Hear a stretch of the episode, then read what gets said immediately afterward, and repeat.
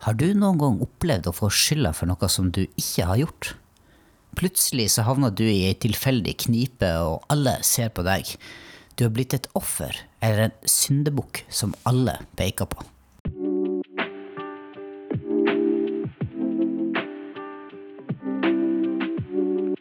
Du hører nå på Bibelkvarteret fra Sennep.nett. Bibelkvarteret er et kvarters påfyll i hverdagen fra Guds ord. Både til inspirasjon og introduksjon til viktige tema i Bibelen. Du vil også finne mer stoff på sennep.nett som gir deg inspirasjon til å følge Jesus i hverdagen. Følg oss på Facebook og Instagram, og abonner på våre podkaster i den podkastappen som du bruker. Språket vårt er spennende. Det er fullt av ord som har referanser mye lengre enn det man kanskje tenker i første omgang. Et av disse ordene er syndebukk.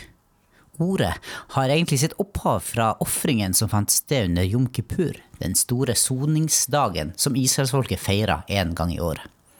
Ritualet beskrives i Tredje Mosebok kapittel 16 og er virkelig spennende lesing. Her beskrives det hvordan ypperstepresten skal bade seg og kle seg i hellige klær før han går inn i det aller helligste, der han skal ofre en ung okse til syndoffer og en vær til brennoffer. Etter ofringa skal han ta to geitebukker og stille dem framfor Herrens åsyn. Den ene bukken ofres der og da, mens den andre skal stilles levende fram for Gud. Øverstepresten skal så legge begge hendene sine på hodet til bukken og bekjenne alle syndene og overtredelsene til folket. Symbolikken er klokkeklar.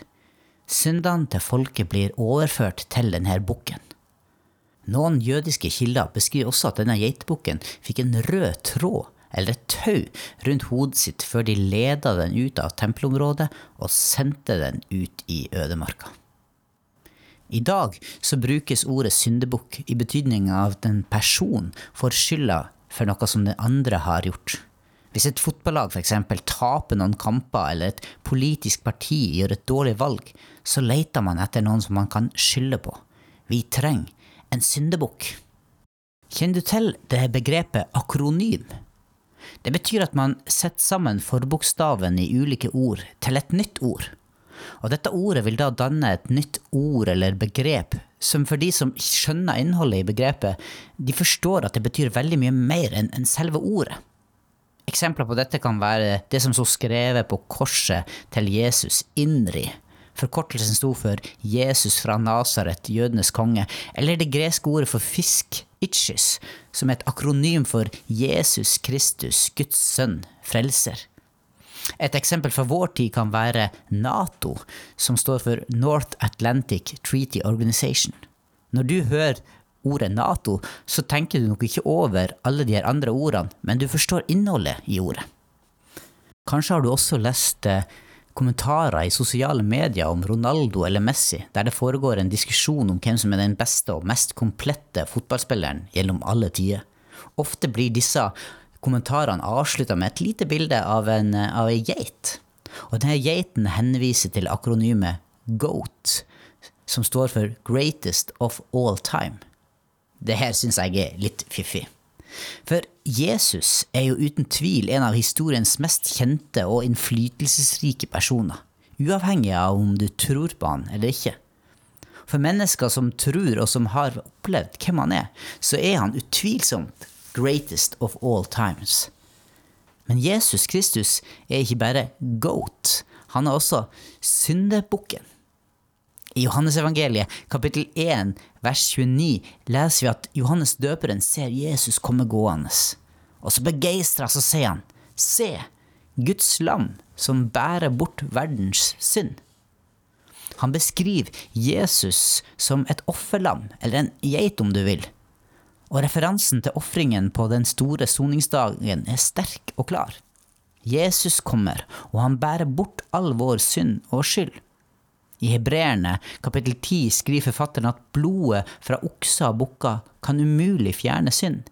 Men Jesus kan, og han gjorde det. Videre så kan vi lese fra vers 5 til 7. Derfor sier Kristus når han kommer inn i verden. Slaktoffer og offergave ville du ikke ha, men en kropp gjorde du i stand til meg. brennoffer og syndoffer hadde du ingen glede i. Da sa jeg, se, her kommer jeg for å gjøre din vilje, Gud. I bokrullen er det skrevet om meg. Hebreerne 10, vers 5-7.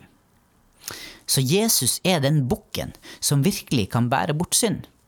Akkurat som syndebukken vi leser om i Tredje Mosebukk fikk en rød tråd rundt hodet før den ble sendt ut i ødemarka for å dø, så fikk Jesus ei tornekrone og ble leda utenfor byen til Golgata for å dø der. Men forskjellen på syndebukken i Tredje Mosebok og Jesus er likevel helt enorm. Jam Kupur måtte gjentas år etter år og var egentlig bare et frampek til det virkelige offeret, Jesus Kristus. Han kom til jord og ble det endelige og ekte offeret som gjør opp for alle menneskers synder og kan gi oss frimodighet til å leve i tilgivelse og nytt liv. Han endra faktisk historien. Det er det som gjør at Jesus virkelig blir the greatest of all time. Der andre kjente personligheter har gjort store ting for menneskeheten gjennom litteratur, vitenskap, filosofi og menneskerettigheter, så er det ingen som har kunnet gjort noe med det virkelige problemet, nemlig synd. For å forstå fotball så er det en del ord du bare må lære deg. Du må vite hva offside er og hva en keeper gjør. Vet du ikke det, så vil du ikke forstå spillet. Sånn er det også med kristen tro. Det er noen ord vi bare må forstå. Synd, som egentlig betyr å bomme på målet, er et sånt ord som vi trenger å forstå. Synd er det som holder oss borte fra Gud. Ordet kan også oversettes med misgjerninger eller overtredelser. Det vil si ting som får oss vekk fra den veien Gud hadde tenkt at vi skulle holde oss på. Vi har bevega oss bort fra det som var målet, eller trådt over grensen for hva Gud hadde tenkt da han skapte oss. Ordet synd bærer også med seg skyld og straff som en konsekvens, og Bibelen forteller oss at lønnen for å gå på syndens vei er adskillelse fra Gud, en tilstand borte fra Han som har skapt oss. Og det er der forskjellen ligger. Vi er skapt med en hensikt, med et mål. Vår dypeste og viktigste hensikt er å leve i relasjon til Gud og i samsvar med hans plan. Hvis vi ikke lever i denne planen, så bommer vi på målet. Da synder vi. Det nytter ikke at vi finner opp lyspærer, utvikler medisiner som kurerer kreft, eller skårer 50 mål i en sesong i Premier League. Ingen andre enn Jesus er historiens mest sentrale og innflytelsesrike person. Jesus er svaret, både på søndagsskolen og på de utfordringene som mennesker står overfor ellers i livet. Han er også løsningen på problemet med synd. Når vi skal forklare hvorfor det er så mye galt i verden, så ser vi gjerne etter noen eller noe å skylde på. Som kristne så snakker vi om syndefallet, og da er det Adam og Eva som får ansvaret og blir syndebukken som alle peker på. Det er, er deres feil at du og jeg kjemper med synd og vanskeligheter. Likevel så forteller Bibelen oss at vi alle må ta våre valg, våre egne valg, og at vi alle står ansvarlige for Gud. Vi kan ikke bare skylde på Adam eller vår syndige natur. Og det er nettopp her de gode nyhetene til deg og meg kommer inn. For Jesus er syndebukken. Han har tatt alle de tingene som tynger deg ned. Alt det som ikke ble sånn som du hadde tenkt. Jesus har tatt det en gang for alle. Han gjorde opp for det fatale valget til Adam og Eva. Og da han ble ofra på Golgata, som betyr hodeskallestedet, så knuste han hodet, eller autoriteten, som ondskapen hadde over ditt og mitt liv. Han endra historien, for deg og for meg. Så neste gang du hører noen bruke ordet syndebukk, så kan du tenke på at syndebukken allerede har blitt ofra, en gang for alle. Vi kan få lov til å peke på Jesus. Han ble sendt ut i ødemarka for å dø, og da tok han all synd og skyld med seg. Jesus tok den plassen okser, bukker og geiter ikke kunne ta.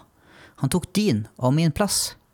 Hans offerdød gir oss tilgivelse fra synd og gir oss mulighet til å leve i den hensikten og det dypeste kallet vi alle har relasjon til Jesus Kristus. Jesus er the greatest of all time.